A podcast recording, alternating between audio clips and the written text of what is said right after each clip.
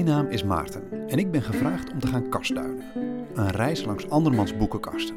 Want welk meubelstuk vertelt je nou meer over iemands ambities en dromen dan een bibliotheek? Deze week ben ik op bezoek bij dichter en schrijver Maarten van der Graaf. Met zijn 31 jaar al winnaar van zowel de C. Budding als de J.C. Bloemprijs. Daarnaast is hij medeoprichter van het online literair tijdschrift Samplecanon. En dat kan je dan weer vinden onder Zwaar. We staan samen voor zijn chaotische boekenkast. Een soort knusse, maar gecrashte bibliobus.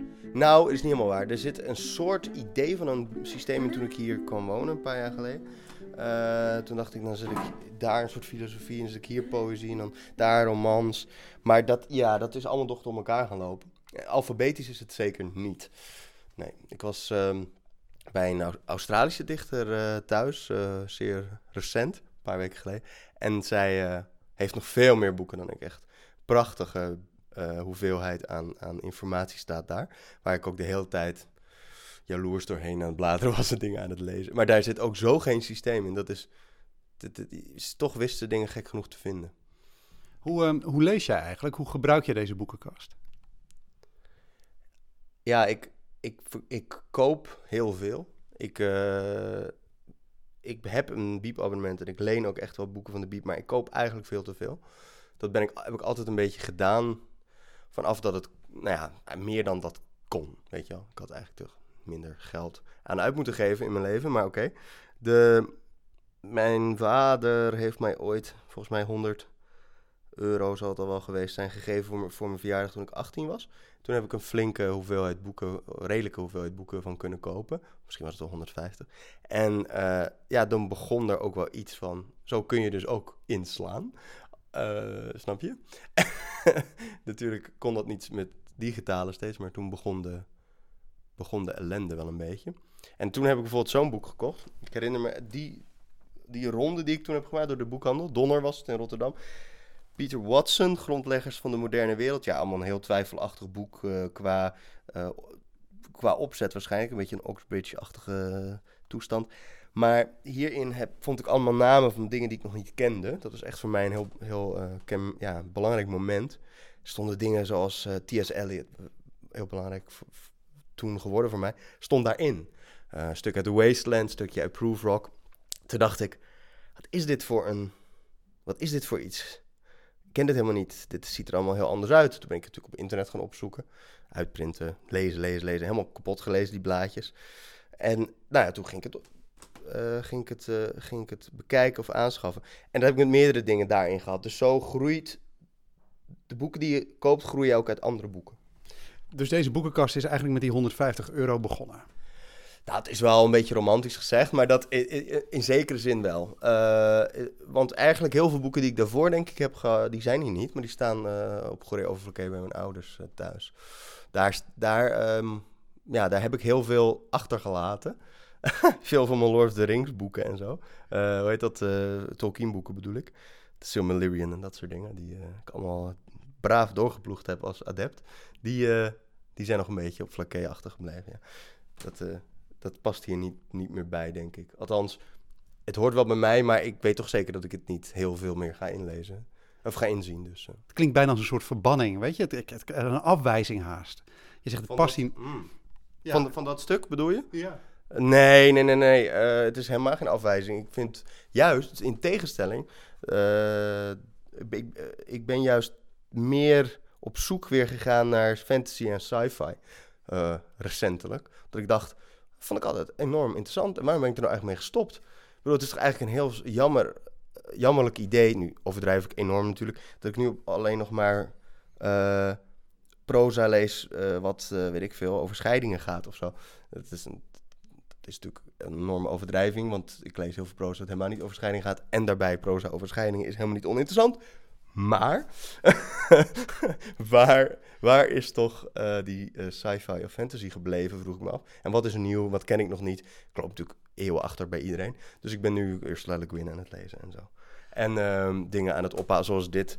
Uh, de, de Obelisk Gate. ja, dit is, dit is heel interessant. Het is een soort klimaat... Um, een soort dystopische klimaat sci-fi. Nou ja, goed, dit, dat zijn even wat andere premissen voor een roman. En daar word ik, wel, uh, word ik op zich wel blij van. Dus zo zie je, ik uh, zweer het helemaal niet af. het, het, staat alleen dat, Tolkien staat nog steeds thuis. Ja. Hoe las je dat toen daar op Goeree Overflakke? Tolkien? Mm -hmm. Ja, echt wel heel... nou ja, ik weet niet of dat heel klassiek is, maar het, soort, het, het gevoel... Buiten is het donker en ik ga naar een andere wereld terwijl ik dit boek open. Zo, dat toch wel echt. Welke boeken zijn hier nou er absoluut essentieel geweest voor jou in je schrijverschap? Wat zijn de steunpilaren hier in deze chaos?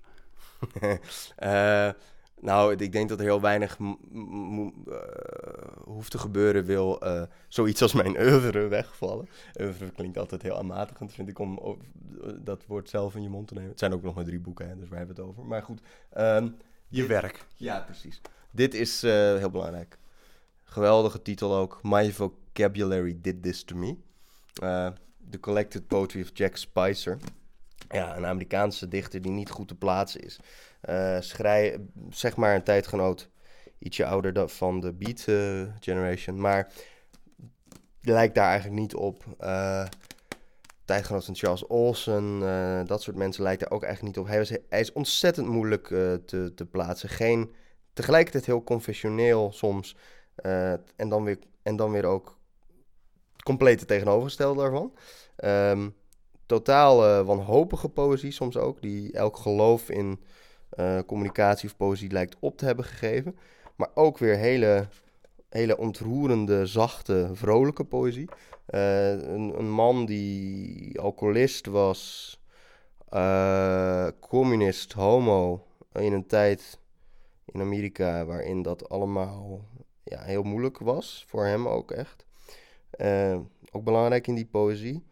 Um, prachtige gedichten aan jonge mannen geschreven. Die hier, uh, Train Song for Gary bijvoorbeeld, moet ik aan denken, wat hier ergens in staat. Uh, dus moet ik misschien even opzoeken. Oh, Train Song for Gary, waar ben je?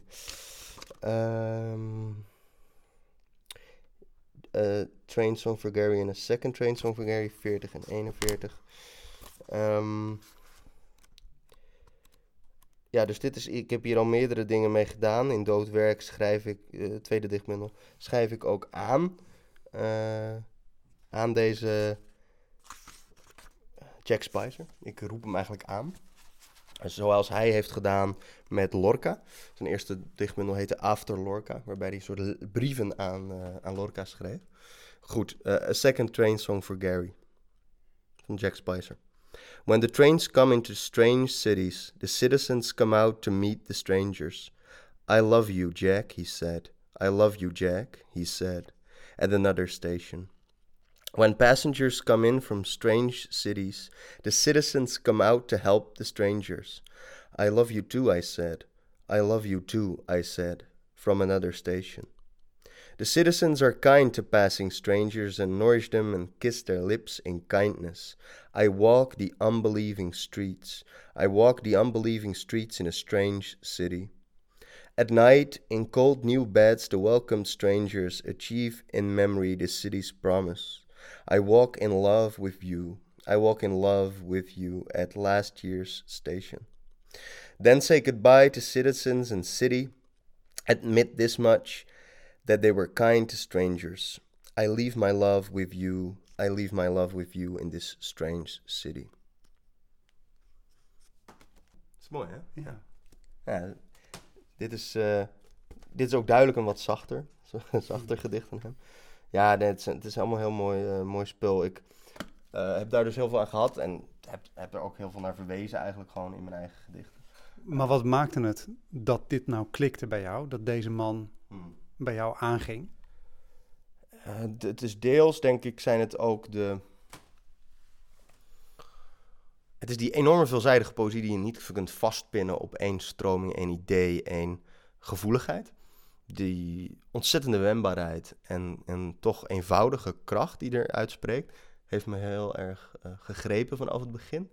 Ik denk ook dat het zijn um, krankzinnige, uh, ogende in ieder geval, uh, en toch ook heel serieuze ideeën over poëzie zijn, die ook verzameld zijn in lezingen. Ik heb het er ook wel eens over gehad, een keer. Uh, maar het is zo dat Spicer dacht dat of zij gedichten worden gedicteerd. Die zijn niet van jou, die komen niet van jou. Die worden gedicteerd door ehm, marsmannetjes. Ja, zo zei hij het.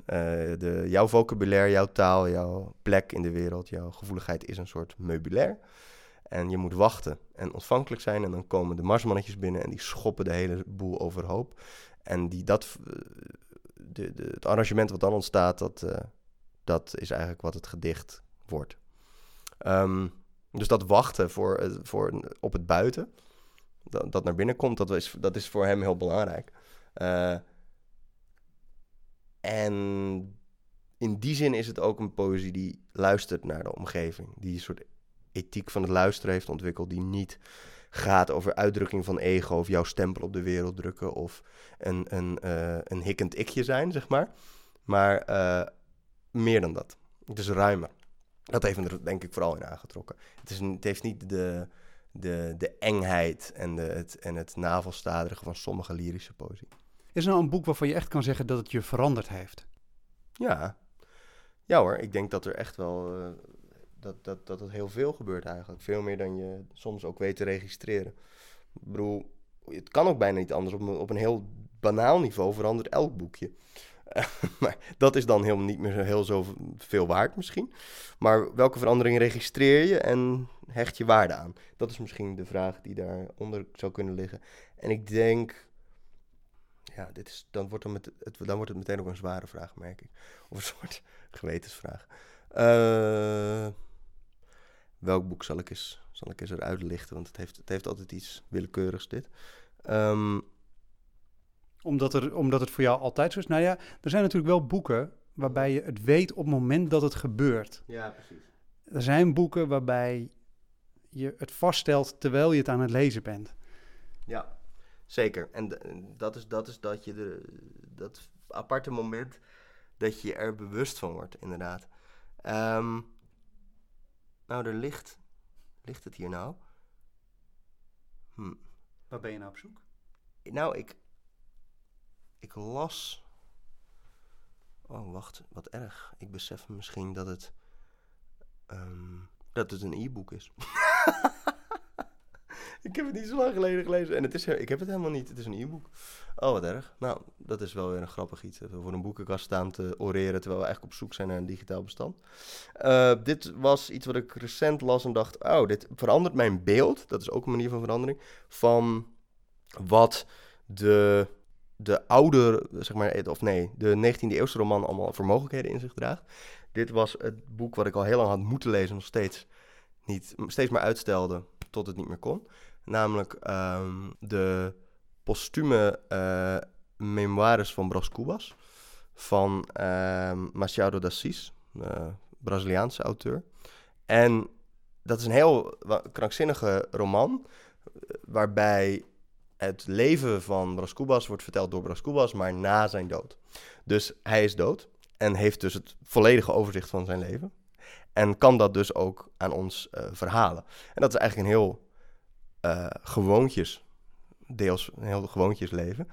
Um, gewoon leven wat hij met een bepaalde vluchtigheid en uh, zonder al te veel zelfverdediging over het algemeen verteld. Maar waar heel erg, een heel erg mooie schets van de bepaalde kringen in de Braziliaanse cultuur waarin die zich beweegt naar voren komen.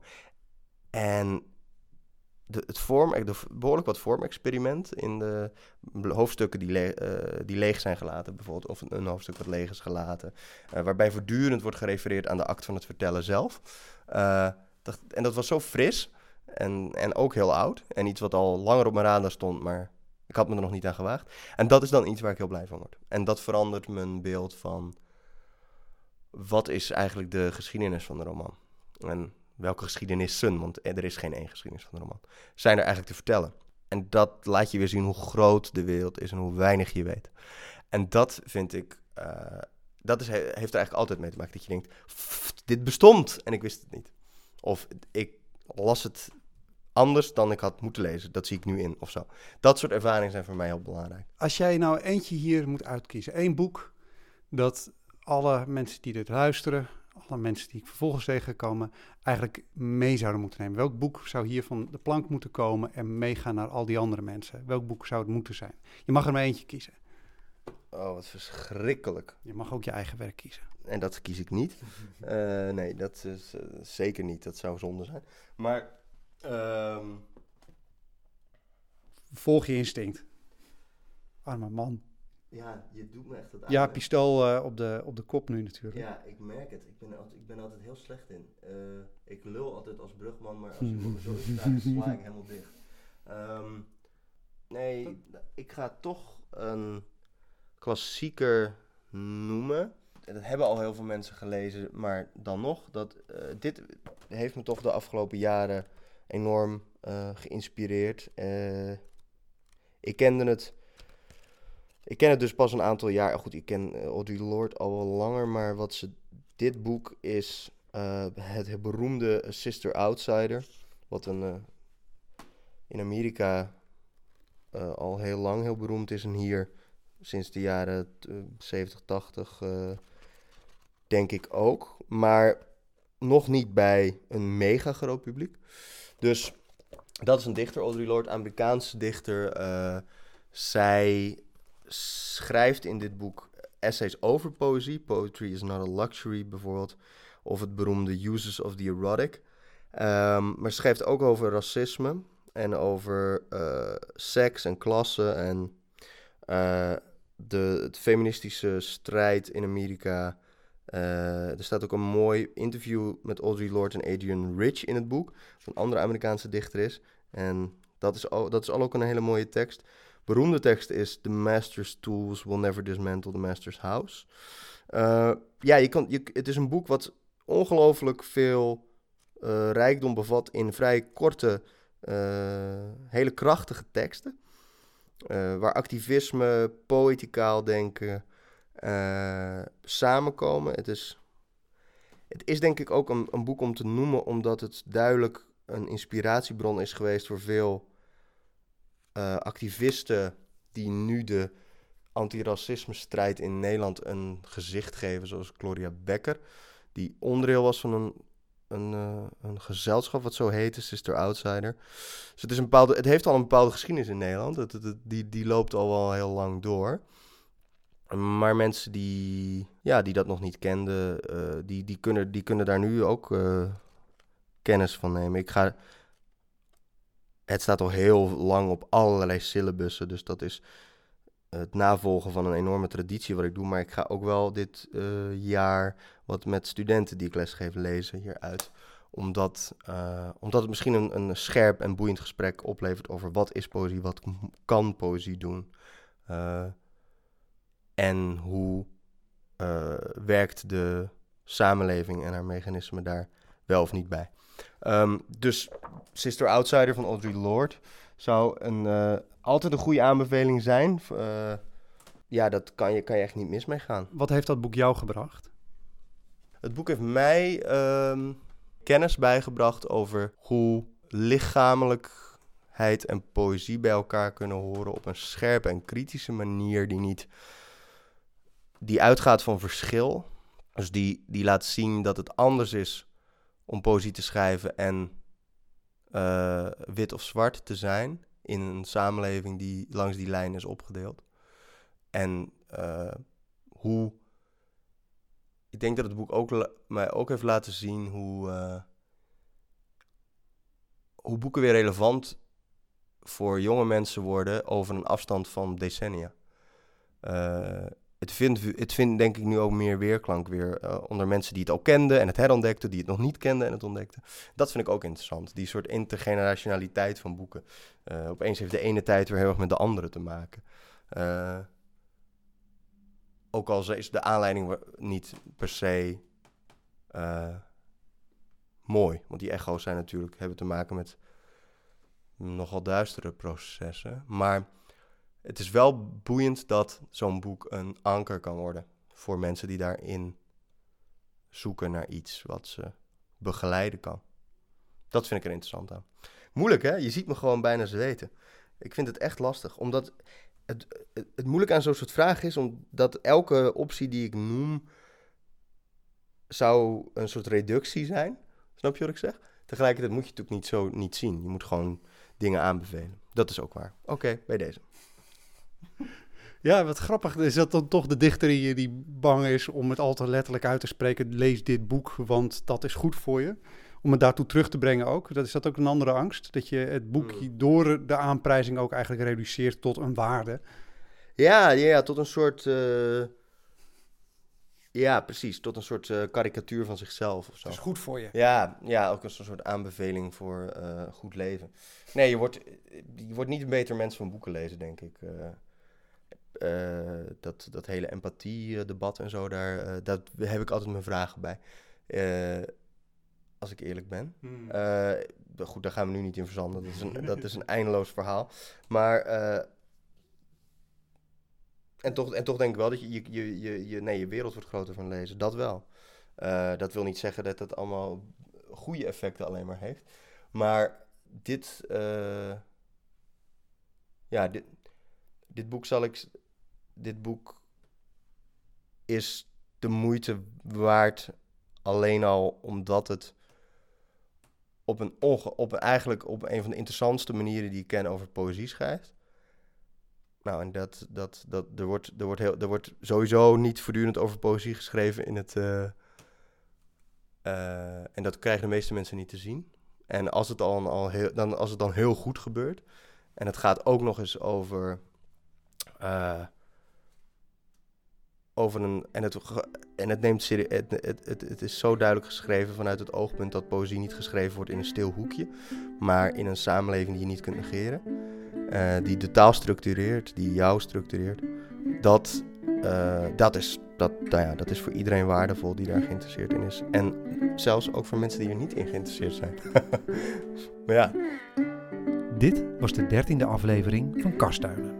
Kastduinen is onderdeel van de Slaakast, een podcast gemaakt in opdracht van de Stichting Literaire Activiteiten Amsterdam. Abonneer je voor meer verhalen, gesprekken en avonturen in literatuur. Je kan ons vinden in onder andere de iTunes Store en op Stitcher. Zoek op Slaakast, S-L-A-A-C-A-S-T en klik op abonneer. Goed, dat was het.